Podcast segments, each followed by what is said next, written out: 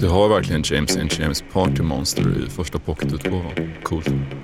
Den gröna där uppe. Ja, men vet du var den kommer ifrån? Nej.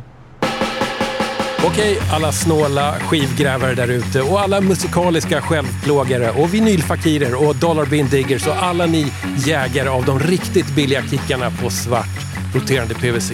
Alla ni preppers som är förberedda på den stora streamingkraschen. Alla hoarders, alla hamstrar och allt annat vad ni är, kära lyssnare. Jag heter Tommy Jönsson och jag har målat in mig i ett hörn av podduniversum. Det här hörnet känner ni som 50 spänn. och idag så har jag fin besök här vid Neumann-mikrofonerna. Välkommen Fredrik Strage. Tack Tommy. Vad har du lyssnat på idag? Idag har jag lyssnat på hög volym i lurarna på väg ut till skivbörsen för att köpa skivor till det här. Då har lyssnat på Misfits. Deras andra singel, Bullet, om och om och om igen. Varför det? För att i övermorgon så har det gått precis 60 år sedan John F Kennedy mördades. Och jag ska vara med i TV4 Nyhetsmorgon och prata om mordets populärkulturella inverkan. Jag har gjort en lista över de bästa JFK-låtarna och den toppas av Misfits Bullet. Jag förstår. Som kanske också är den Ja. vidrigaste av alla John F Kennedy-låtar som har skrivits. Den är verkligen grotesk. Men finns det några som är liksom bara sweet och mysiga menar du? Det finns ju mer hyllningslåtar till Jackie Kennedy. Ja, just det. På andra plats har jag Murder Most Foul av Bob Dylan. Den här 17 minuter långa jätte, jättelåten om Kennedy-mordet som han gav ut precis när pandemin satte igång. Inte för att jag kanske behöver men jag tänker ta och presentera dig och dina olika dimensioner i alla fall. Du kan ju säga till om jag har rätt eller fel. Du är en hängiven dyrkare och kännare av Lana Del Rey och syntorkestern Kite, allsköns mörk rock, rap och annan nutidslitteratur. Sant? Du är en av Sveriges sista rockjournalister tror jag. Förr eller senare så får de baxa in mig på Nationalmuseum eller någonting. Man kan stå där i en monter. Jag anklagades ju häromdagen för att ha dödat rockjournalistiken genom mitt samarbete med ett klädmärke.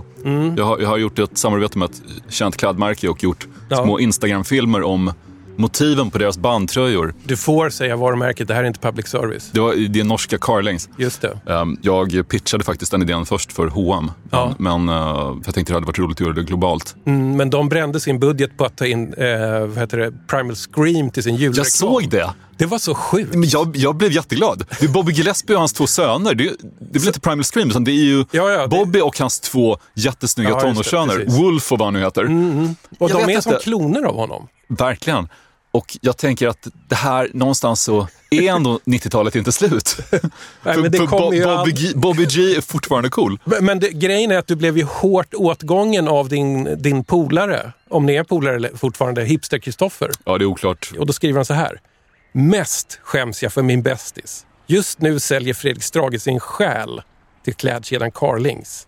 Vars kundgrupp består av män med lite rockig stil. Med grosshandlar-look, det där är elakt, kränger han denimföretagets band-t-shirt på Instagram. Hur kändes det?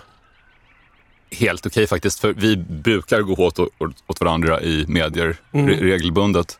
Men ehm, jag tror nog att, eh, som så ofta är fallet när Kristoffer, när Kristoffer skriver någonting, eller när jag skriver någonting för den delen, så är kanske det främsta målet inte att alla ska tycka som en själv, utan att man ska få ihop en text som verkligen funkar och är bra. Och som det- blir rolig också. Ja, och det lyckades ju han med som vanligt. Mm. Ja, ja. Det, det är en jätterolig text.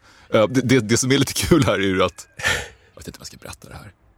Vi, vi kollar med varandra innan vi skriver såna saker. Okej. Eftersom vi är väldigt, väldigt nära vänner. Så, så jag fick kika på det första utkastet till Mm. Okej. den. Där skrev en annan sak som, som jag, och där faktiskt blev jag lite gjorde- stött. Ja, men det, som det gjorde gjorde ont. lite ont. Det, det var lite ah.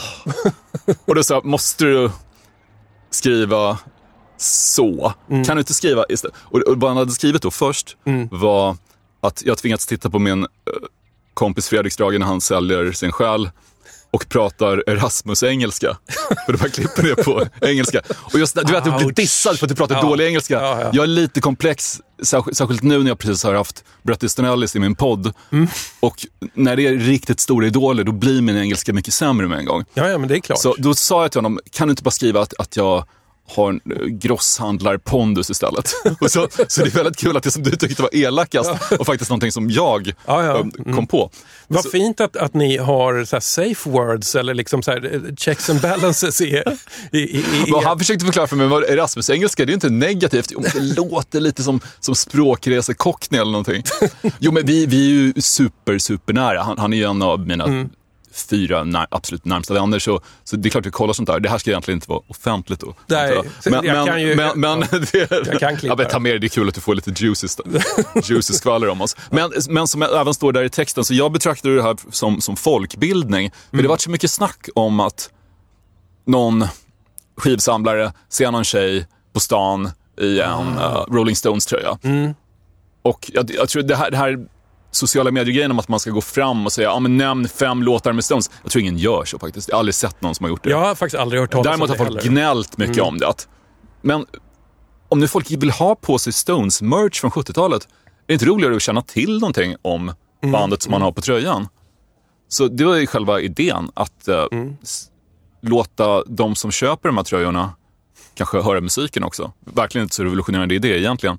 Men eh, det fascinerar mig också att de här plaggen, de gamla bandtröjorna, att de blir något annat Mm. i ett nytt sammanhang. Att de tappar sin koppling till musik. Ja. Jag kan inte sluta tänka på det. Hur en turnétröja med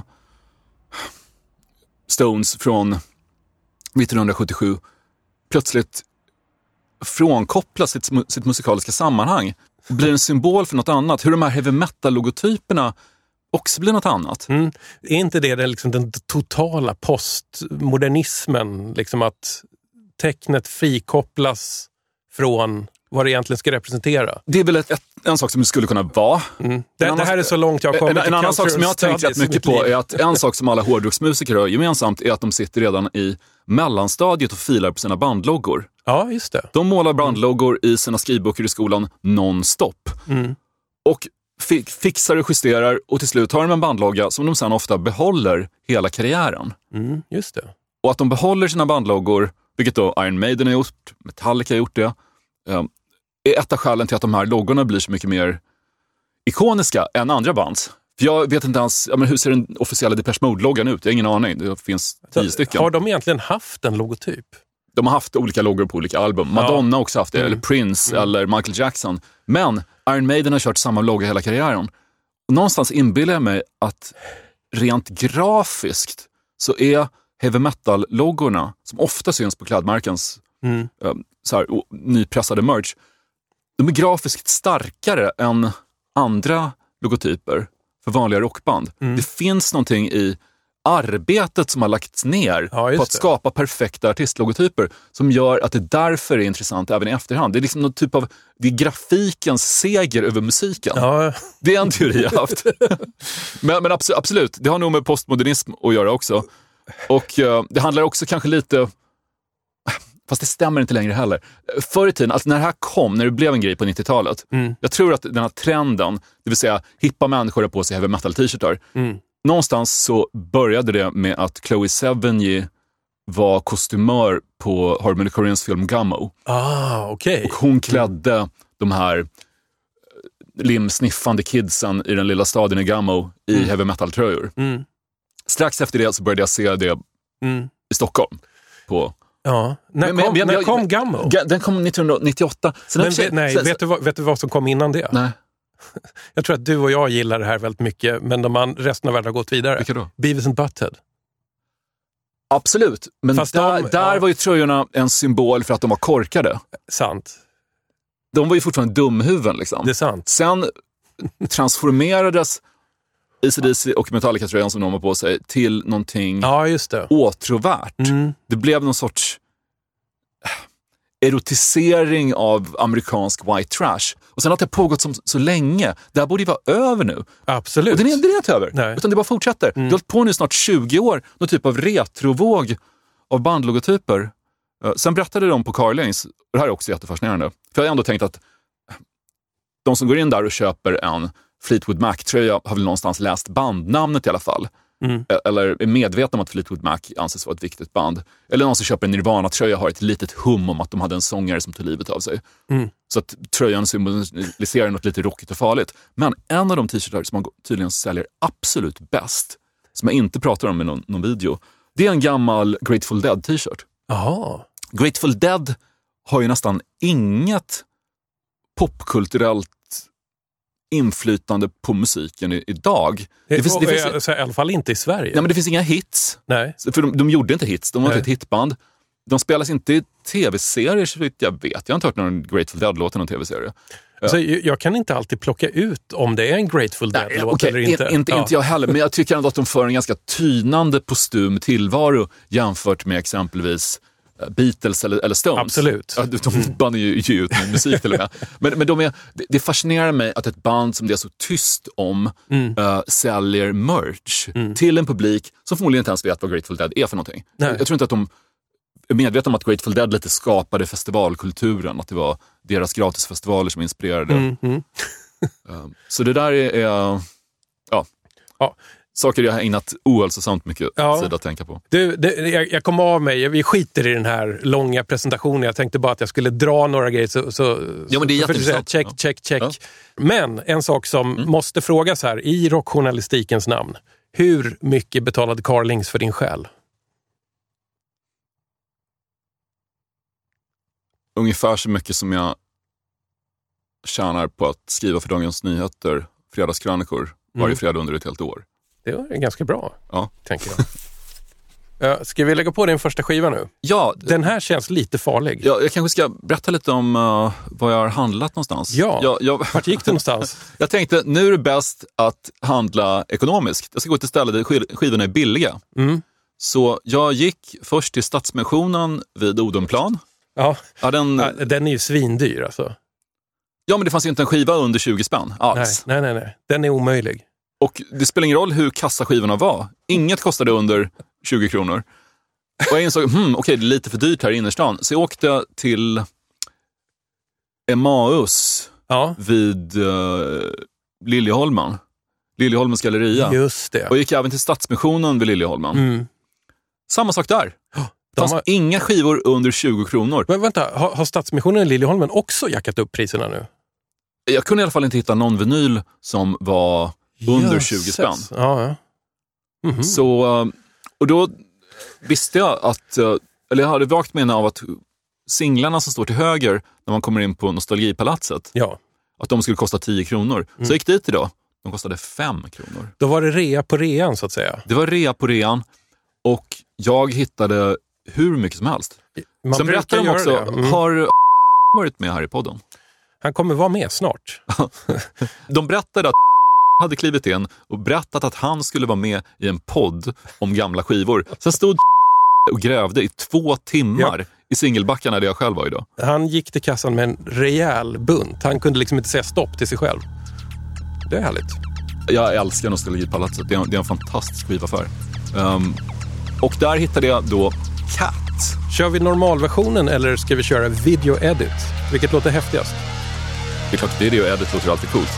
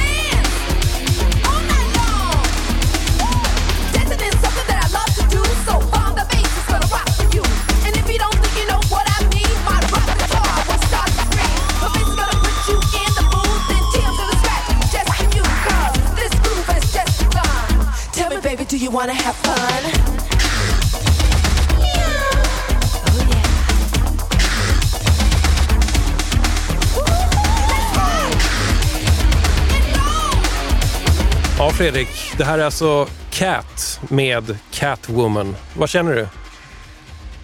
Jag tänker att hon förmodligen, om hon nu valde den här låttiteln själv, hon kanske förberedde en kampanj för att få spela Catwoman i Tim Burtons andra Batman-film. För den här Ah. låten är alltså utgiven samma år som den första kom. Den första Batman med Jack Nicholson och eh, Ja, just det. Michael Keaton och Kim, Kim 89. Basinger. 89, precis. Sen tre år senare kom ju Batman återkomsten där Michelle Pfeiffer spelar Catwoman. Men med tanke på att Cat då jobbade med Prince, som Just gjorde det. soundtracket till den första Batman-filmen, så kanske hon tänkte att ge ut en singel nu som Catwoman, då har jag den här rollen som i en liten ask. Alltså Cat, hon heter Cat i förnamn men hon har ett efternamn också som- försvann Woman. ut ur huvudet. eh, var koreograf, dansare och körsångerska på Prince stora segertåg och ärevarv över jorden som var då Sign of the Times-turnén och Love Sexy-turnén. Det är ungefär det jag vet om henne. Och så har hon gjort den här singeln. Med Tim Simonon, alias Bomb the Bass. Ja. All form av dansmusik och klubbmusik den eh, åldras väldigt snabbt och den slängs utan någon slags ånger eller var- sentimentalitet på sophögen ganska snabbt. Det var ju väldigt konventionellt det här för att vara Bomb the Bass. Med, med tanke på vad Tim Simonon ägnade sig åt Mm. kring samma tid så känns det här som ett projekt där han var tvungen att lyssna på massa kostymklädda skivbolagschefer. Ja, För att han- hade fått tillåtelse att producera en Prince-protégé. Ja, nu, nu är förmodligen. Mm. gissningsvis. hon rappar förresten också på låten Alphabet Street med Prince. Aha, det visste jag inte. Har du någon sån här förbrukad dans eller klubbmusikgenre som du ändå fortfarande så här, känner att du älskar och lyssnar på fortfarande? Ja, en... en, en jag minns inte riktigt vad den genren kallades, men jag brukar ju gilla dansmusik som är lite mer puckad. Alltså inte så här Mm. gabber techno-puckad, inte goa trans-puckad, men den lite mer muskliga varianten Mhm. av den hippa originalgenren. Okej. Exempelvis så älskade jag Skrillex. Jag tyckte verkligen mycket om Skrillex. Ja, ja. Jag har lyssnat mycket, mycket mer på Skrillex än på Burial till exempel. Eh, för Det är jag- lite, lite av ett statement känns, känns Ja, men jag vet jag, tycker, jag tycker bara inte att det, det är tråkigt. Det, Mm. jag, men jag, fattar, jag fattar också att det är coolt. Men jag vill att musik ska kännas som att åka berg och dalbana på Gröna Lund. Ja. Det ska kännas som jetline, man flyger av och kastas mot en stålställning. Nej, men det ska kittla i magen. Mm. Och Skrillex, jag såg honom live två gånger. En gång på Annexet i Stockholm Mm. och en gång på festivalen Dans Dakar när den var på Riddarholmen.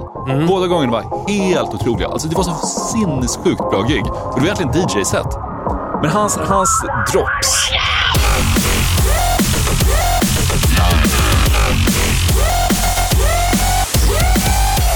Och sen också hur han mixar, gam, mixar in gamla reggae-låtar samtidigt som det var så här svintung, nästan liksom industrimusik-tung bas. Det ger mig så ofattbart mycket mer än någon glåmig britt som ska romantisera arbetslöshetskassan i England. Och som Anders Lokko har skrivit om att det här visar villkoren för den brittiska arbetarklassen. Det är så här, åh, men jag vill ha jag vill ha lösgodis. Ja. Bara proppa munnen full av lösgodis och sen bara woo, åka berg och. Brostep alltså. Jag gillade brostep. Vad är hans genre? Det- Jag tror att det kallas Brostep. brostep. Ja, Väldigt fattar. Mm. nedlåtande. Sen en annan genre som jag inte riktigt vet vad den kallas. Mm. Men motsvarigheten, alltså vad brostep var för dubstep, var Mm. den här andra genren för drum and bass. Eller för jungle. Ah. Och då pratar jag specifikt om ett brittiskt skivbolag som heter Urban Takeover. Mhm. En av producenterna som drev det hette Afrodite. Mm. Väldigt uh, feminint namn med tanke på hur, hur hur mycket testosteron det var i musiken. Men han blev väl mest känd för att han remixade Jungle Brothers låt Jungle Brother. Det finns en sån här jungle-version av den. Som, det börjar som en vanlig hiphop-låt, men det är mycket, mycket tyngre trummor. Och sen efter, efter kanske två minuter så stannar den upp. Och du undrar vad, vad ska hända nu? Var, varför stannar låten upp? Och sen plötsligt så kommer drum and bass-basen igång. Och det är precis känslan när du åker över krönet med berg och dalbanan Och du liksom tippar neråt rakt igen. JB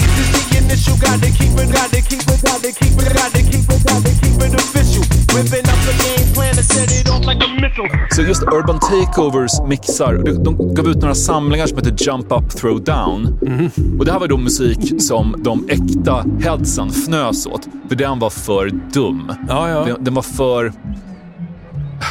Det fanns en dynamik som kanske påminner mer om tuggummi-pop, eller för den delen om så här 80-tals heavy metal eller någonting. Ja, och jag var väldigt svag för Urban Takeover. Jag brukar alltid... Det, det, det slog heller aldrig riktigt i Sverige, men jag, jag minns jag brukade spela det som DJ på nationer och så. Jag var på Smålands nation i Lund och, och när jag släng, slängde på de där grejerna, folk blev helt tokiga. Det funkade verkligen på Ja. dansgolvet. För att det, det var inte så introvert, det var så långt man kunde komma från Mr Four Hero. ja Alltså absolut. långt, långt från Four Hero. Ja, långt, långt. det var- det var lite jazzigt. intellektuellt. Det var lite intellektuellt Ja. jazzigt.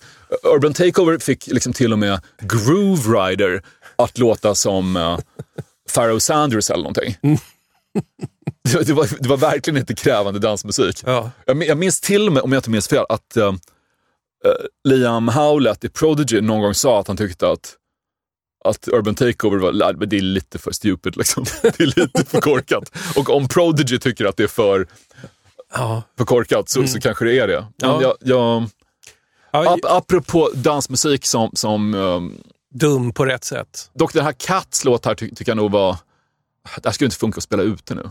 Frågan är om den här spelade så mycket ute ens då. Nej. Med tanke på att det här är hennes enda singel under Visst. eget namn, vad jag kunde se i alla fall, så kanske det inte gick så bra. Jag vet inte. Eh, ska vi hoppa vidare till nästa singel? All I wanted was a sweet distraction for an hour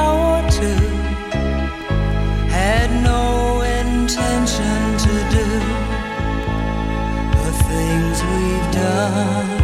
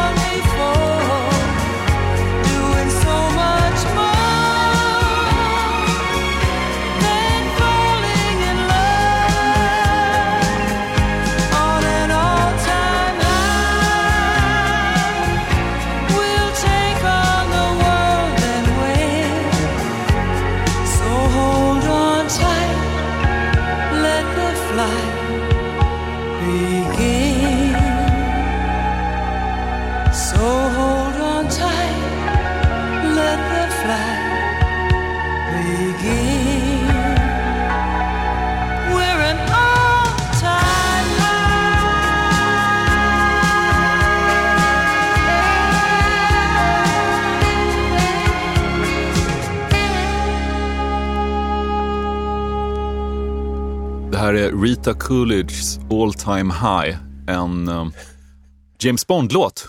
Ja, från Octopussy. En av Bondfilmerna som jag inte riktigt minns vad som händer i. Roger Moores näst sista James Bond-film. Okej. Den, den kom 1983. Det är en av de sämsta James Bond-filmerna, men jag tycker definitivt att det här är en av de bästa Bond-låtarna. Det var en av de första låtar som jag verkligen gillade. Faktum är att James Bond-musiken var på sätt och vis den första popmusik som jag älskade. För jag, är, jag kommer från så här, serietidningar och filmhåll egentligen. Ja, ja. Jag, jag var inte besatt av popmusik när jag var 8-9 år gammal. Utan jag läste Marvel-serier och sen kollade jag på film. Jag hade en James Bond-förening med en kompis. En James Bond-förening. Ja, en James Mm. Bond-klubb när vi gick i fjärde klass tror jag. Men kunde man liksom se vi- vi- vi gamla James Bond-filmer ens då? Fanns det på video? Det fanns på video, men mina föräldrar hade ingen videobandspelare. Så jag fick hyra James Bond-filmer när jag bodde lite hemma hos min moster som bodde på Lidingö. När hon satt barnvakt så kunde vi hyra film. Ah, okej. Och då var det fest. Men min, min kompis Anders och jag som hade James Bond-klubben, vi delade upp. Han tyckte att Roger Moore var bäst och jag tyckte att Sean Connery var bäst. Eller Sean Connery. Ja, just det. Som jag sa, jag fattar inte att det uttalades Sean. Eh, Sen försonades vi lite i att vi tyckte nog att den bästa Bond-filmen faktiskt var i Hennes Majestäts Hemliga Tjänst, båda två. Trots att George Lazenby verkligen inte är så bra så är den filmen väldigt, väldigt välgjord. Det tycker jag nästan fortfarande faktiskt. I alla fall, vårt intresse pikade runt 1982 och vi var väldigt exalterade inför att den nya filmen Octopussy skulle komma ut. Och vi tyckte även att det var coolt att det var så många svenska skådespelare i den. V- Vem är det mer än Maud Adams är ju med. Sen är även Mary Stavin och Christina Wayborn med i den här filmen. De namnen säger mig... Och jag tror faktiskt noll. att även Britt Ekland dyker upp i en scen. Okej. Så det, det tyckte jag var häftigt att det var så mycket svenskor i den och eh, jag älskade den här låten. Så fick jag en viss, jag blev glad många år senare när det kom en samling där indieband tolkade James Bond-låtar. Och då hade Pulp valt att göra den här låten. För att Jarvis Cocker tyckte att det här var den bästa Bond-låten. Okej. Det är du och Jarvis alltså. Jag, Det- det jag går Jarvis, ja. inte riktigt igång på den här. Vad är det du gillar med den? Den är gulligt smäktande och den handlar om en person som blir väldigt kär efter ett one night stand. Mm. Hon har, har inte planerat att få några känslor för den som hon har träffat, men så får hon det istället. Det berör mig djupt. Mitt intresse för James Bond gjorde ju då att jag minns att jag tog med en kassett med James Bond-låtar till en klassfest en gång när vi gick i fyran. Eller om det var i trean till och med. Ja, okej. Och satte på en, en sån här instrumental funk, drama, action låt från soundtracket till For Your Eyes Only. Mm. Och t- hade tänkt mig att, att folk skulle gilla att dansa till den. Men alla började bua när jag satte på den kassetten. Ja. Och typ, usch vilken jävla dålig musik Fredrik. Varför spelar du så dålig musik? Du är helt dum i huvudet, gå hem. Och jag blev jätteledsen.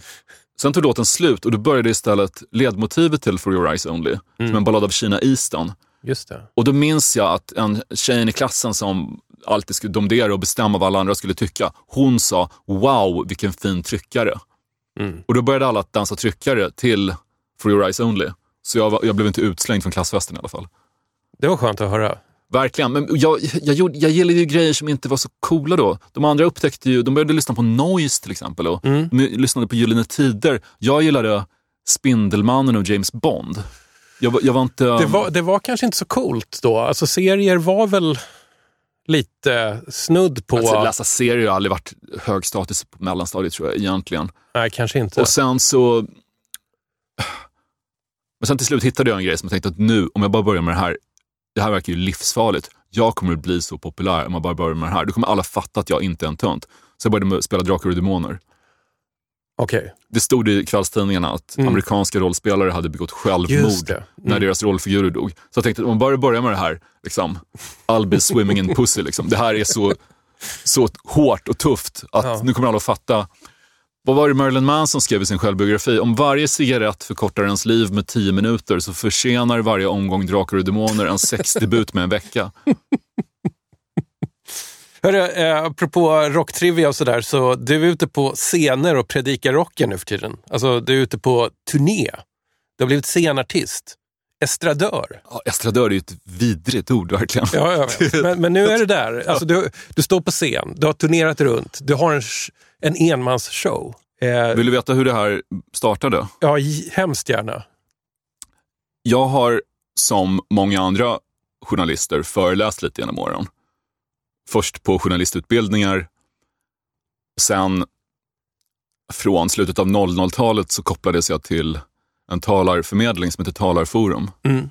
Som sålde in mig ibland, dels till skolor, Mm. ibland till företag. Och då pratade jag mycket om idoldyrkan som kanske var mitt specialämne. Ja, just det. Men det var alltid... Ibland var det, var det företaget som hade haft konferens och sen kom jag och pratade lite om hur, hur idoldyrkan har funkat i historien till kaffet. Liksom. Mm. De hade haft konferens på dagen, sen kom jag och sa lite roliga saker Ja. i 20-30 minuter. Sen blev jag kontaktad av en annan talarförmedling. Det här var hösten 2018. Och de sa att de hade pratat med någon som skulle hyra Intiman för ett event. Ja. Kunde jag tänka mig att komma dit och prata på Intiman på det här, på det här, på det här eventet? Mm. Och jag sa, inga problem. Är det någon typ av företagsevent? Ja, sa han. Okej, jag markerar i alla fall företagsgig i kalendern. Mm. Så och, säg- och du så- tänker att du ska göra 20, minuter, prata Mm. lite lätt om... Sen säger de, de mejlar alla detaljer till dig och jag säger toppen, kul. Sen läser jag aldrig det där mejlet som de får. Sen går det två månader och jag är ute och går på stan. Sen ser jag en stor affisch där det står en kväll med Fredrik Strage på Intiman. och jag går in på webbsidan som finns en adress till på affischen. Ja. Och där står att det är två, två och en halv timme inklusive paus. Oj. Jag har aldrig någonsin pratat längre än 30 minuter överhuvudtaget. Mm, mm. Och jag ska då ha en show. Och jag kunde inte backa eftersom jag hade sagt ja till allting. Ja, ja. Jag hade bara struntat i att läsa mejlet med information om vad jag egentligen skulle göra. Ja. Så jag var tvungen att snabbt sätta ihop någon typ av föreställning som gick ut på att jag står på scen och pratar. Och då tänkte jag, okej, men vad har jag, har jag sett någonting som, som är lite åt det här hållet? Då kom jag på, jo men Schyfferts The 90s, den var faktiskt riktigt, riktigt bra. ja, just det. Ja, och det, det fanns någon typ av röd tråd. Om man bara kan så här, dra lite trådar fram och tillbaka Mm. så att det känns som om strukturen är logisk, då kanske det inte gör så mycket att, att det egentligen inte finns något bärande teman.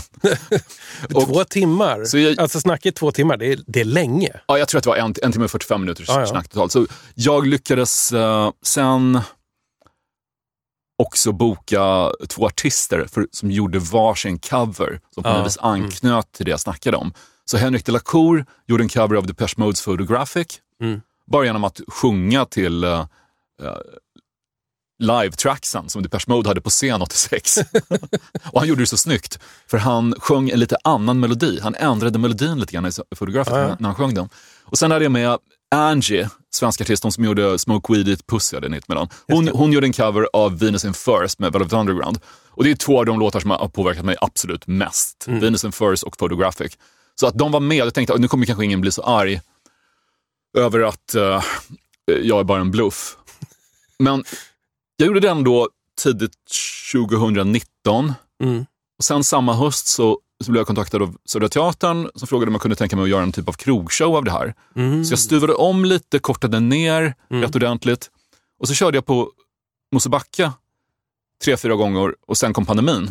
Mm. Så efter pandemin så återupplivade jag det här på Södra Teaterns scen och började prata själv med folk i eh, någon i KB i Malmö var jag på till exempel. Mm. Jag var nere i Göteborg vid ett tillfälle också.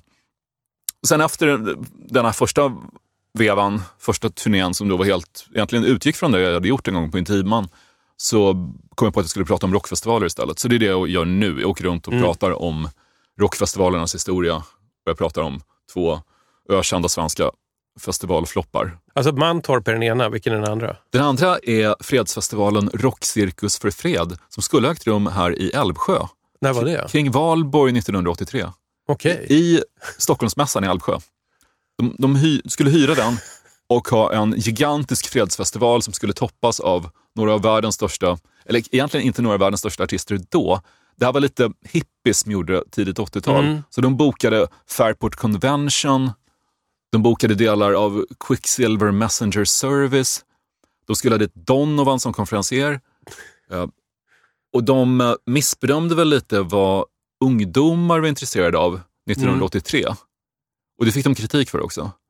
Men de sa att Nej, men vi tror ändå att kidsen är väldigt intresserade av psykedeliska bluesgitarrister. Idag hade det funkat bättre. Ver- Verkligen. 100 procent. Så det har jag åkt runt och, pratat om också. Men det, är det är det har varit en eh, spännande grej att prata, stå på scen och prata. Men någon som kallar det för stand-up journalism, det tycker jag var ett roligt begrepp. Och det, det säger nog en del om vad det går ut på också. När du turnerar, har du något som det står på din eh, rider? Ja, det har jag. Jag, jag är förstås väldigt exalterad över att få ha en rider. Ja. Så jag har en rider och, och enligt den ska det då finnas Oreos Okej. och en flaska Chardonnay. Gärna ekad kalifornisk Chardonnay. Mm. Och en rockbiografi. Gärna begagnad och eh, hämtad från ett antikvariat. Men du har inte gjort en Van Halen va? Nej, nej, nej. nej. Men, men, och det, jag tyckte att jag var, och min bokare sa att jag var väldigt blygsam med mina anspråk på den här riden och ändå är det nästan ingen som bryr sig om den. Det är ganska sällsynt att någon faktiskt dyker upp Ja, men vad fan Sverige, det, det här är inga stora krav. Det här, kan, det här kan ni faktiskt ställa fram i logen. det, ib- ibland, ibland finns det, ibland inte. Det beror på, men det är just därför jag blir så glad när det väl finns. I synnerhet, jag har byggt upp ett litet bibliotek nu, ett litet turnébibliotek. Senast fick jag en eh, Eh, Alice Coopers självbiografi och eh, någon gav mig Roger Moores uh, memoarer. Mm. Jag eh, bryter in här med ett superviktigt meddelande. DJ 50 spänn är en helt friflygande podd som görs utan stålar från riskkapitalister eller storbolagsmedia. Det du hör här, det existerar helt och hållet tack vare de goda människorna som har valt att stötta DJ 50 spänn med en liten månadspeng via Patreon.com.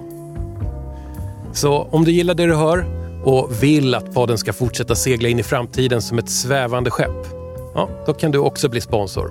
Sök upp DJ 50 spänns sida på Patreon.com och så välj ett litet belopp att donera per månad. Det vore himla fint. Och stort tack till dig som faktiskt redan gör det. Nu eh, fortsätter vi. Vad ska vi lira nu? Transdance. Du ser glad ut. Det var min, min första erfarenhet av en så kallad guilty pleasure. I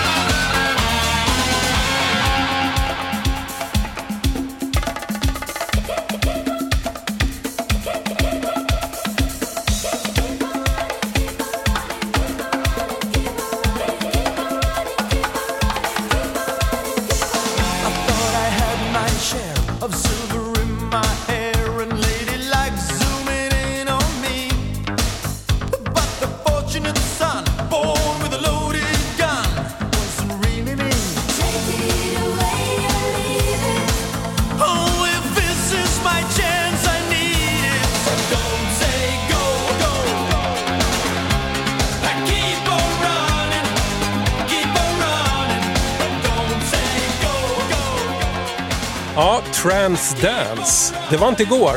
faktiskt. I alla fall inte för mig. Jag vet inte hur ofta du langar på dem.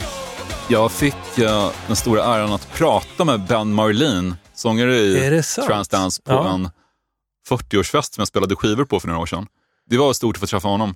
Transdance slog igenom ungefär samtidigt som min musiksmak blev hårdare, mörkare och mer elektronisk. Ja. Jag upptäckte Nitzreb och Agrum och Laibach och Skinny Puppy ungefär samtidigt som Transdance skuttade in på trackslistan. Och eh, det var ju verkligen inte kosher att gilla det här. Nej. Särskilt inte bland Linköpings industrisyntare.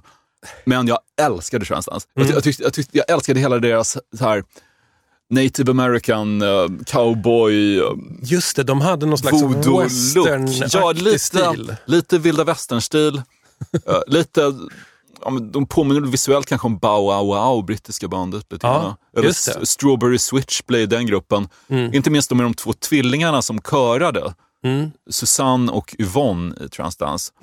Fan, du kan det här i huvudet liksom. Och eh, sen deras ekvilibristiska gitarrist Pelle Pop. Ja. Vä- Väldigt duktig. Men, ja, men jag gillar dem jättemycket och när jag gick ut nian så spelade Transdance på en drogfri sommargala. Den hette Sommarnatt i Folkets Park i Linköping.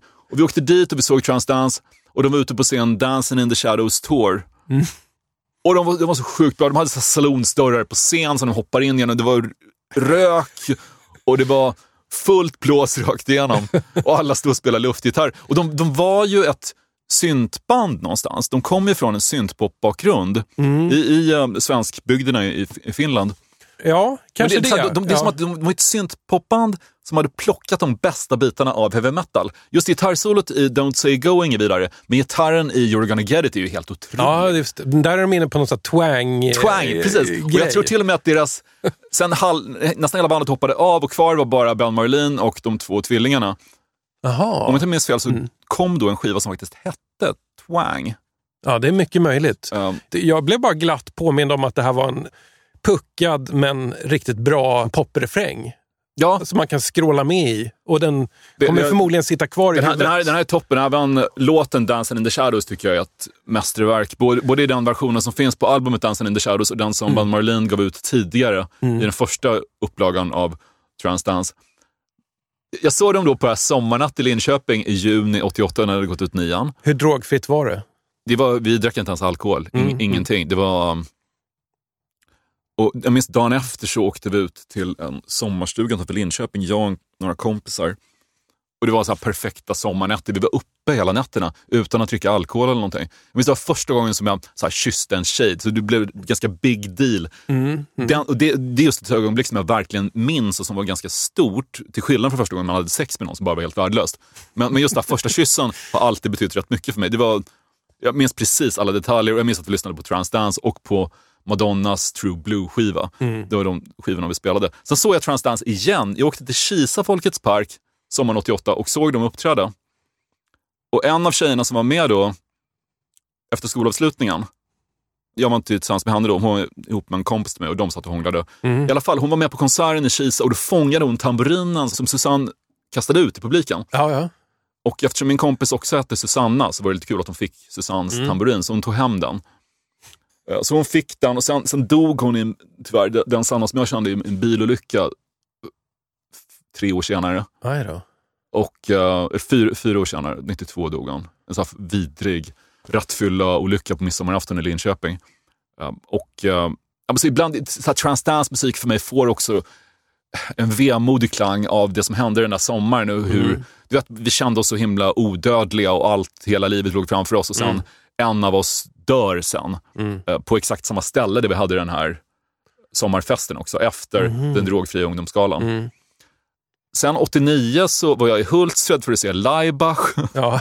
och såg, jag har aldrig sett mer så industrirock ut i hela mitt liv. Jag hade lång blond lugg, jag hade så MC-boots som jag köpt med stora stålgrejer längst fram som så benskydd i Ja, metall. just det. Och så hade jag en lång svart rock med en stor Neubauten-logga på, på ryggen.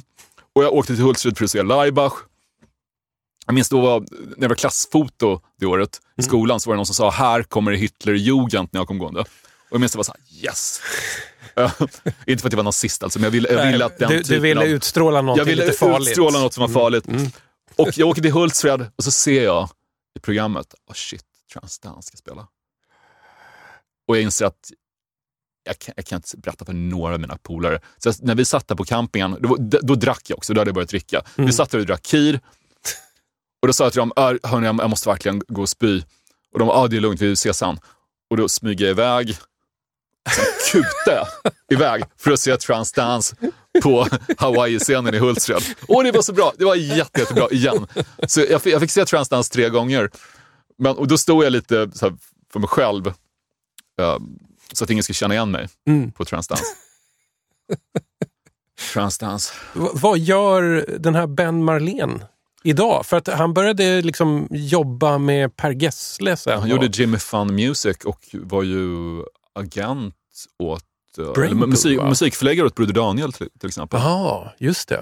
Och Men han hade någonting kan- med Brainpool att göra också, eller hur? Ja, han jobbade precis. Brainpool låg där också. Ja. Det gick ju mycket historier, för Henrik Berggren och Broder Daniel sa att eh, Ben Marlin från Transdance på deras förlag hade föreslagit att de skulle bli lite mer moderna och göra en drum and bass-låt.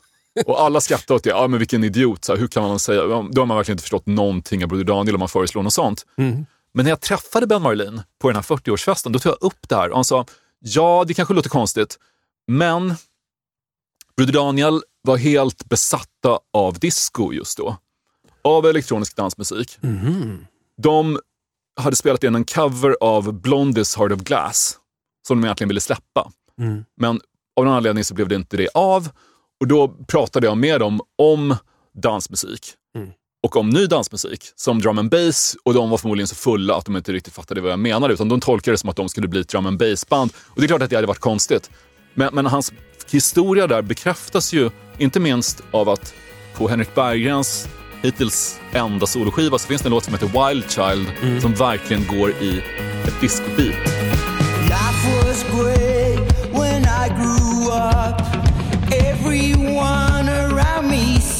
Stuck. Like all the dreams I'd broke on them. And opportunities so closed on them.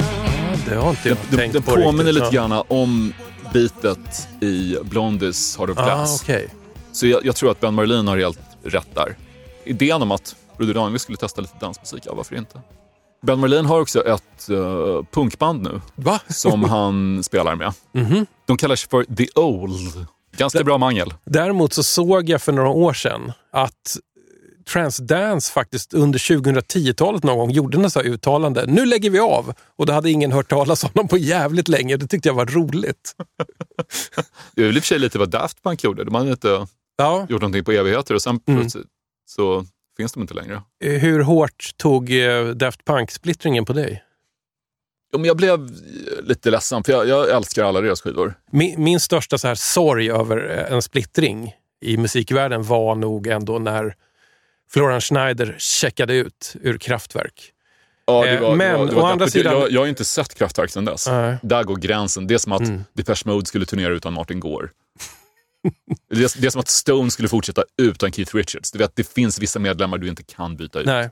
För mig var det så jobbigt att jag faktiskt eh, pratade med en psykolog fast jag gjorde det Gjorde det? Så, så, ja, fast i, i den lite ironiska formen som vi 70-talister ofta gjorde. Det, det blev ett radioinslag om det när jag får prata ut om splittringen mellan Ralf och Florian ungefär som att det vore att mina föräldrar hade skilt sig och att det hade Fast det är mig. ju det är definitivt jämförbart. Jag, jag satt och pratade med Alan Wilder som hoppade av Depeche Mode om det här en gång. Mm. Och jag sa att Alan, jag, jag fattar att du är trött på att höra om det här. Att folk vill att du ska gå med i Depeche Mode igen. Och han sa, jo men jag är lite trött på att höra om det ärligt talat. Samtidigt så tycker jag att jag blir rörd av att något som jag gjorde under en tioårsperiod har betytt så otroligt mycket för människor över hela världen. Ja, så jag, min, min kompis, så berättade jag om min polare och sa att ja, men han, han jämför det här med hur hans föräldrar skilde sig. Att man lär sig att acceptera att mamma och pappa gått vidare. Att de kanske har fått en ny. Men innerst inne så gör det fortfarande ont.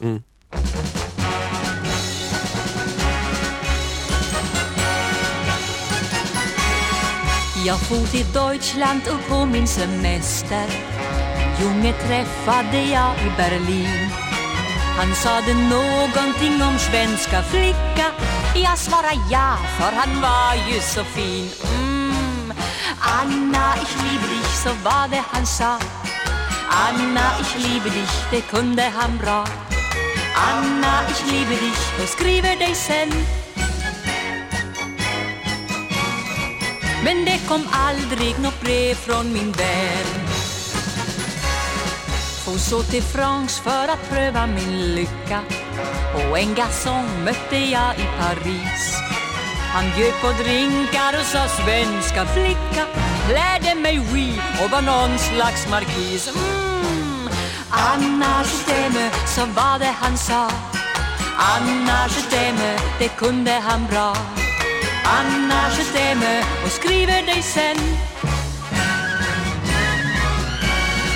Men det kom aldrig något brev från min vän. Sen stod det England som mål för min resa. I London mötte jag Bill på en buss. Han var så rar då han sa svenska flicka. Så jag sa yes och gav honom en puss. Anna, I love you, så var det han sa. Anna, I love you, det kunde han bra. Anna, I love you och skriver dig sen. Men det kom aldrig något brev från min vän. Då blev det Sweden för resten av slanten. Jag mötte Svenne på ett diskotek. Han var så gullig och så fin i kanten så jag fick lära ut kyssar och smek. Ah, Anna, jag älskar dig, det fattar jag lätt. Anna, jag älskar dig, det känns mera rätt. Anna, jag älskar dig, får jag bli din vän. Och se den kärleken, den vara ren. Ah, Vet du vad det här låter som? Det låter fan mig som en Haino-låt. Det är bara det att det är Ann-Louise Hansson som sjunger. Svenska flicka heter den, från 69. Jag var tvungen att kolla det. Varför tog jag, du jag, den här? Jag, jag, jag trodde att det här skulle vara bättre. Jag gillar Ann-Louise Hansson, men den här typen av umpa-umpa-schlager har jag faktiskt ganska svårt Ja. för. Där, jag tyckte inte alls om den här. Det här var en låt från Melodifestivalen 1969. Det var Ja. det året som Tompa Körberg tog hem spelet här i Sverige med Judy min vän. Den här Tänk- kom tänk trea i Sverige tror Tänk jag. att när den här låten kom, då var Velvet Undergrounds debutalbum tre år gammalt. Jag vet. Det här låter ju fruktansvärt daterat. Men det är också en bra bild av hur skilda det var världar det var var mellan och- ungdomar och vuxna då. Ja, hon, var, hon är otroligt söt på omslaget här, Ann-Louise Hansson. Ja, Texten handlar om hur hon ligger sig runt i Europa. Hon ligger med en tysk, och en fransman och en britt. Mm. Och alla säger att de älskar henne, men ingen hör av sig sen. Så de bara utnyttjar henne för, för sex. Och sen Mm. kommer hon hem till Sverige och träffar en svensk. Mm. Och han är förstås en keeper. Ja. Och han behåller henne och de är fortfarande tillsammans. Men du, eh, alltså, har du några känslor annars för Ann-Louise Hansson? Ja, jag har gillat några andra grejer hon har gjort. Min favoritlåt med henne det är hennes svenska version av eh, Mamma Cass Elliots Make Your Own Kind of Music. Så fortsätt då,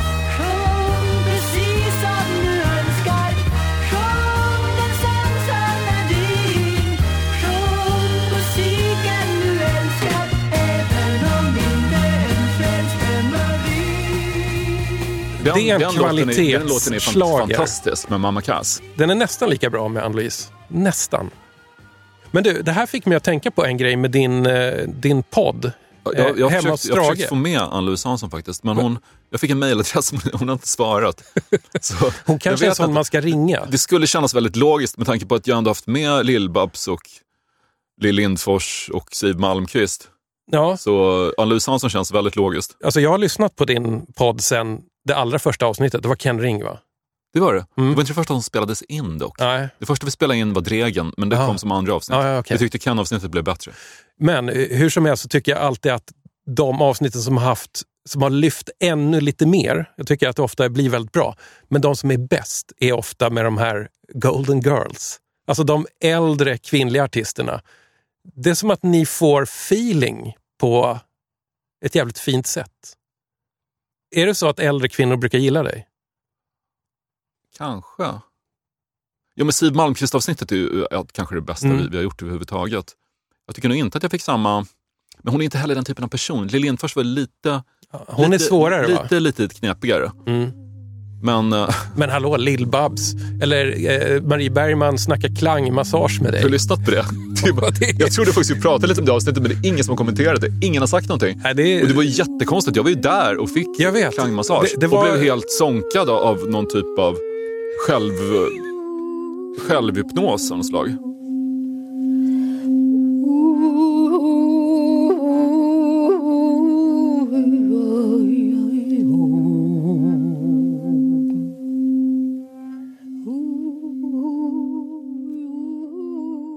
Hur länge sov du? Vad är klockan? Ja. Oh, det var, det var en intressant upplevelse. Jag, jag, jag har aldrig ens fått massage. Nej, okej. Så, att, så, Jag att, har aldrig hållit på med yoga. Ingenting. Ingen meditation, ingen yoga. Noll. så en hård start där med ett gångbad, Ja. eller vad man ska kalla det. På tal om um, hypnos och um, sånt. Det avsnitt som jag nog tycker har gått sämst av alla var när vi hade med den brittiska indie-duon Wetleg. Mhm. Som viskar sig igenom ett helt avsnitt. Ja, det kanske de gör. Va, d- ja. Avsnittet, de pratar så här. Så här. You know, we, we like indie music. Men vad gör du då? Och du är ju jo, jo, duktig jag- på jo, att men jag, vill ju, intervjua. jag tänkte så här, jag vill ju bara säga speak up. Mm. Men, men så tänkte jag, men de kanske har någon diagnos, det kanske är något fel på dem. Mm. Så jag gjorde ingenting. Avsnittet blev helt outhärdligt. Jag hade lätt stekt det. Om det inte var så att Wetleg var superhypad och sen vann en amerikansk Grammy till råga på Mm. allt. Jag, var, jag- jag blev jättearg och uh, de är ju sådär. Jag har vänner som gick ut med dem sen på kvällen i Stockholm. Som, okej, would you like some drinks? Yeah, we would love some drinks. Ja, så de Du vet, de, de, viska. håller, de Mm. håller på sådär. Och jag, kan inte, jag vet inte om det är en pås eller om de faktiskt är så på riktigt. Mm. Men Luciano Leiva som säkert varit med i den här podden Ja, för, sa för till mig, sa till mig att det är hans absoluta favoritavsnitt av, av min podcast och att um, Wetleg funkar som så kallad ASMR. Autonomous Sensory Meridian Response. Ah. Mm, Att du får så här ljuva rysningar av deras viskningar. Men det, det var ett fruktansvärt avsnitt. Har du hämtat dig från Ann-Louise Hansson? Ja, det var ju lite av ett nerköp. Ja, men det, det är ju så Jag- det är jag- när man chansar. Ja, ett av skälen till att jag gillar att hänga i skivaffärer och just skivbörser är att se hur priserna går upp och ner. Mm. Och hur, um, Det är lite som aktiemarknaden. ja, och jag kan, bli, jag kan bli vemodig också när jag tänker på att de skivorna som jag själv äger som är väldigt värdefulla, att de kommer inte att vara värda någonting en vacker dag. Jag har ju Kan- samlat väldigt mycket Lana Del Rey. Ja, men varför jag- skulle de inte vara värda någonting sen då? Ja, men för att sen, sen dör de som har lyssnat på henne. Och sen blir det som med Mm. gamla stenkakor. Om, Fast- om du, om du, du har säkert sett Ghost World, den Ja, filmen. ja, visst, Där, där de samlar Mm. på amerikanska stenkakor, gamla bluesskivor. Hur många samlar på det nu? Jag har inte så stor... Alltså jag vet att det finns stenkakesamlare där ute. I Sverige så är ju inte den här bluesjägarscenen så stor för att det helt enkelt nästan inte finns här. Nej. Men eh, jag har träffat en gång i, i skivgrävandet så, så har jag träffat en stenkakesamlare som bara köpte marsch. Okej. Det kändes oerhört nischat. Och jag var lite rädd efteråt, så där kommer jag sluta. Marscher är sånt som, brukar mina föräldrar säga att, ja men Fredrik du förstår, när rocken kom, det var en revolution. Innan rocken så spelades bara marscher och salmer och klassiskt i radio. Det låter som helvetet om du frågar mig. Eller hur? Men just med Lana Del Rey så tror jag att hon kommer som artist leva länge. Alltså, Jag tror, alltså, att, jag, jag tror att jag har nästan allt hon gett ut på vinyl officiellt. nu, nu har ju min dotter som är 12 börjat lyssna på Lana Del Rey. Min också, som är 14. Mm. Hon, hon har upptäckt henne. Jag är så glad att jag, utan att medvetet försökt påverka henne, okej fine, vi har en gigantisk Lana Del Rey-affisch uppsatt i vardagsrummet, men att hon ändå har valt lite att lyssna på Lana snarare än Taylor Swift gör mig väldigt glad. Mm. Du gillar inte Taylor Swift? Jag, jag tycker musiken är okej, men jag tycker att hon är, hon ger mig ingenting som popstjärna. Jag tycker, jag tycker inte att hon är tillräckligt intressant som gestalt på en scen. Jag förstår vad du menar, för jag, jag nu när det har varit liksom Swiftomania Ja. bra länge, så har jag försökt flera gånger sätta mig in i Taylor Swift, men det fastnar, eller jag fastnar inte. Jag älskar hennes henne. låt, det finns en låt som heter Style. Mhm, tror jag. mhm. Som har en sån här, vad kallas den typen av bas som även löper genom Robins Dancing on my own? Arpeggio-bas. Ja, jag tror det. Alltså Ja. att, att den är ganska staccato. Så här. Precis. Di- di- Det di. är mm. svinbra låt. Hade det varit en låt med någon annan artist hade jag älskat den. Men det, jag vet inte, det är någonting med Taylor Swift som gör att hon känns... Det är deppigt och, men att om du är popstjärna så handlar det också om utseende. Och Hon ser ut att sitta på ett sånt där reklamblad som du får i brevlådan där det står Hej, jag har sålt en bostadsrätt i ditt område, kontakta mig för en kostnadsfri värdering. Och så är det en bild av någon check tjej där. Det är Taylor Swift. Jag satt i TV4 i våras och debatterade Taylor Swift mot eh, Jonas Strandberg som är komiker och driver den utmärkta Stephen King-podden. Eh, han är Swift alltså. Han dyrkar Taylor Swift. Han tycker att hon är det stora musikaliska geniet i vår tid. Mhm. Och jag har som sagt ingenting emot musiken, men jag tycker inte att hon som gestalt är så spännande. Mm. Och då sa jag, apropå att hon påminner så mycket om, om en ganska tråkig kvinna i en mäklarannons. Jag frågade Jonas Strandberg, men säg att du gick på en lägenhetsvisning och så stod Taylor Swift där och delade ut såna här ljusblå skoskydd av plast. Skulle du känna igen henne? Och han stirrade på mig som jag var helt galen och sa ja. Men jag, vill ha, så... jag vill ha mer dramatik Ja, ja, från mm. mina popidoler. Mm. Och jag, jag tror att anledningen till att hon blev så megastor är faktiskt att kvinnliga artister under en lång period hade varit så extrema. Kvinnliga artister hade varit Lady Gaga, Mm. eller eh, ja, men Beyoncé för den delen, eller Katy Perry. Ja, det är väldigt mycket larger than life Precis, precis. Mm. alla maxar. All, alla är så utlevande och anarkistiska och, roliga och knappa och utflippade. Mm. Då finns det plötsligt ett utrymme för en person som är mer mellanmjölk. Och sen är det också det att Ja. hon, hon kommer någonstans från en modern countrybakgrund. Och Mm. jag, vet, det är säkert supercoolt att gilla Garth Brooks och liksom Det, mo- det, modern amerikansk country, men jag tycker det är en outhärdlig genre Mm. fortfarande. På tal om country så Ja. inbillar jag mig nu att jag känner igen, kan identifiera en skiva genom att bara se en hand och några gitarrsträngar. Är det där ett album med Bosse och Anita? hur fan kan du veta det? Det är helt insane att jag känner igen Är den. du kristen? Nej, men jag jobbade för Östgöta Correspondenten sommaren 92. Hur fan kunde du se? Alltså det, Ja, stack, jag alltså det stack fram två centimeter på, på liksom sidan av ett omslag här med albumet Country for Day med Bosse Anita. Som alltså är liksom, lite, lite så här outsiders, lite, lite ful kristen musik som såldes på kassett och LP på marknader runt om i södra Sverige. Och jag var på Skänninge marknad sommaren 92 och gjorde ett reportage för Östgöta Correspondenten. Jag hade en egen så här, ungdomssida på sommaren. Ja. Vi åkte dit och jag skulle så här, skjuta prick på grejer Mm. och sen fick jag träffa Bosse och Anita som var där och sålde sina skivor. Okej. Så jag minns inte vad jag pratade med dem om, men jag köpte den där skivan och jag hade den skivan i åratal. Country for Day med Bosse och Anita. Det är märkligt hur, hur, ens, hur man kan fastna i detaljer på konvolut. Du har stirrat på Jag stirrat i greppbrädan en och timme några på, fingrar. på den här Ja. greppbrädan. Det var en väldigt liten detalj som jag identifierar Ja, vet du vad Fredrik? När vi är klara med dina singlar, då avrundar vi med ett stycke Bosse och Anita. Perfekt, vi gör det. Det är kristen country på svenska och det är dränkt i reverb. Jag hoppas att du gillar reverb, för att här kommer Jag säger, du få jag en säger som överdos. Ulf Lundell, när arbetaren kommer hem så vill han ha reverb.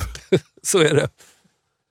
Hörru du, din sista singel här från eh, Rea på Rea Ja. på Nostalgipalatset. Jag hittade låten Nothing's gonna stop us now med gruppen Starship som var en vidareutveckling av um, Jefferson Starship som i sin tur var en vidareutveckling av Jefferson Airplane. Det amerikanska 60-tals psykedelia-bandet som jag älskar. Eller i alla fall deras hitsen.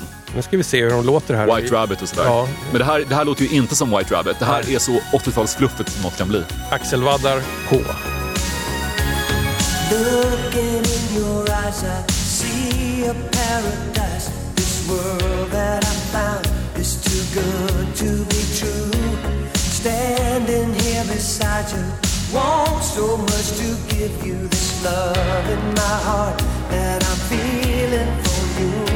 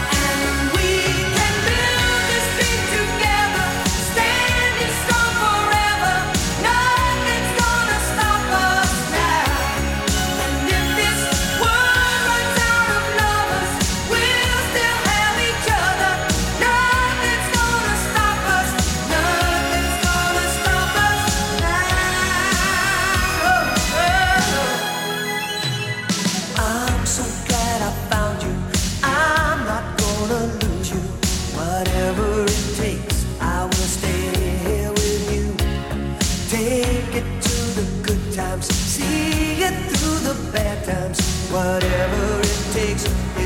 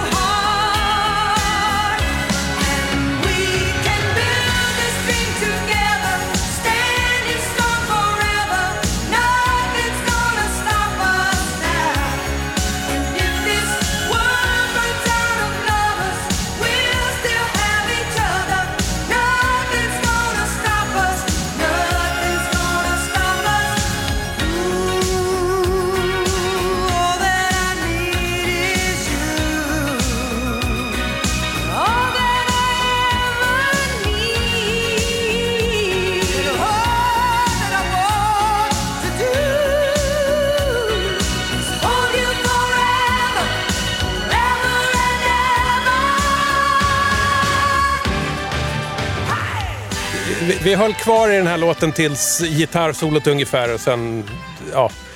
Berätta lite för mig, Fredrik, vad du ser framför dig och vad du känner när du hör Starships, Nothing's gonna stop us now. Jag känner från... att Grace Slick är en otrolig sångerska. Hon, hon var fantastisk i Jefferson Airplane, hon låter lika bra här. Det här är ganska långt från att dyka långt ner i ifrån- kaninhålet med Jefferson Verkligen, det är Airplane. inte så psykedeliskt det här. Men det, det, jag tycker inte 80-talspop blir så mycket bättre än så här faktiskt. Är det här peak 80s? Det är det nästan Ja, det är producerat av Narada Michael Walden tydligen, som gillade, som du sa, det här midtempot. Mm. Eh, jag kommer också att tänka på en film som heter Skeleton Twins, som kom för tio år sedan ungefär. Mm. Som Ja, handlar jag om sett. två väldigt uh, dysfunktionella tvillingar.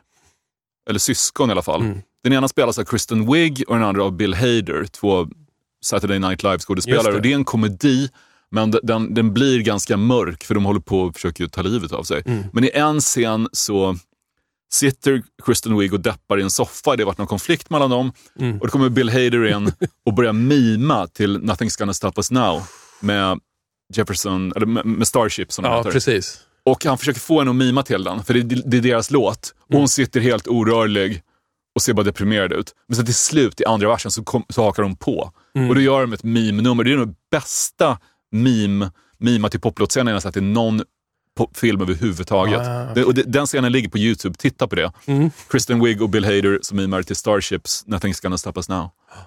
Jag kopplar ihop den här låten väldigt mycket med... Du får nästan gissa. Vad tror du att jag kopplar ihop den här låten med? Jag kan tänka om någon krautmusiker var inblandad i, i Starship. Nej, här, för mig är det här Sportextra i P4. Tänk dig att det är söndag eftermiddag, någonstans i slutet på vintern.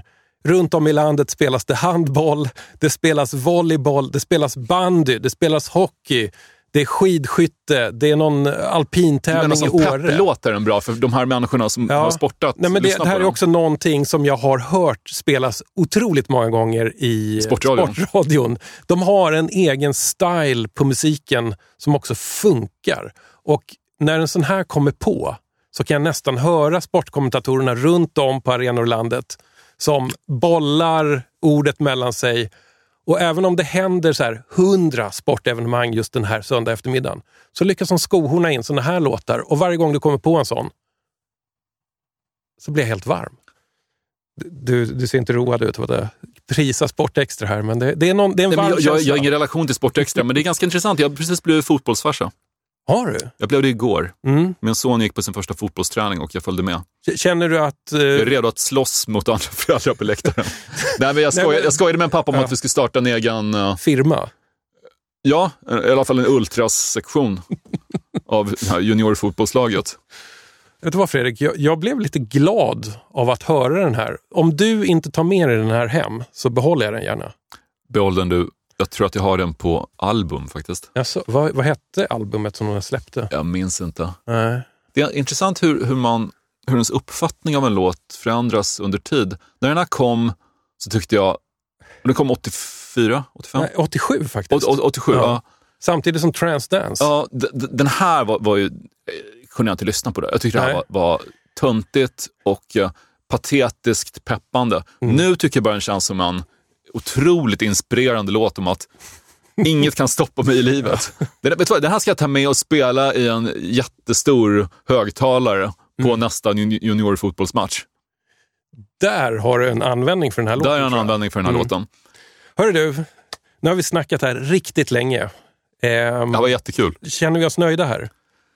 Jag tror det. Jag, jag brukar avsluta med den tyska, den västtyska easy listening-legenden James Last, men jag känner att tillfället kräver Bosse och Anita eftersom du i ett savantliknande tillstånd kunde känna igen en centimeter av det här annars ganska anonyma omslaget. Ja, det var den enda, Alltså, det det, det, är, det är den enda, det, det är den skrämmer enda mig. countryskiva som fanns i min samling. Och jag måste ha stirrat på omslaget så mycket, som inte ens är speciellt snyggt eller någonting, men att jag... Jag visste väl också att det är den typen av skiva som skulle kunna finnas här. Det finns en hylla för just kristen svensk musik. Och nu ska vi alltså lyssna på Bosse och Anitas cover av Chris Christopherson. Sunday morning coming down. Vad heter den på svenska? Ja, alltså, vi snackar alltså om, om eh, bakfyllelåtarnas bakfyllelåt som på svenska då i kristen version heter Har du mött hans kärlek? Lyssna på hur de har dränkt det här i reverb hans omsorg och kärlek vilar jag. Om en dagen ger mig motgång och min väg ibland kan kännas mörk och svår vet jag att bland alla skuggor finns en vän som vid min sida ständigt går Säg mig, har du mött hans kärlek? Har du känt en frid han ger? Eller tror du inte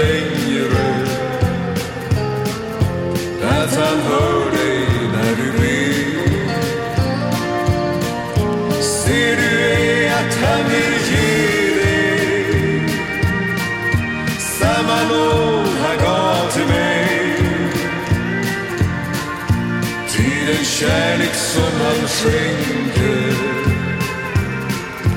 gäller alla, även dig. Du har lyssnat på DJ 50 spänn avsnitt 185 med Fredrik Strage som gäst. Jag som är trivselvärd och pratare och klippare och producent och så vidare. Jag heter Tommy Jönsson. Om du gillar vad du hör här så får du gärna vara med och finansiera poddens existens. Och det gör du enklast via Patreon.com. Stort tack till dig som redan gör det. Vi hörs snart igen. Jag lovar. Är det inte, inte dags att ta emot Jesus i ditt liv, Fredrik? Jag har försökt.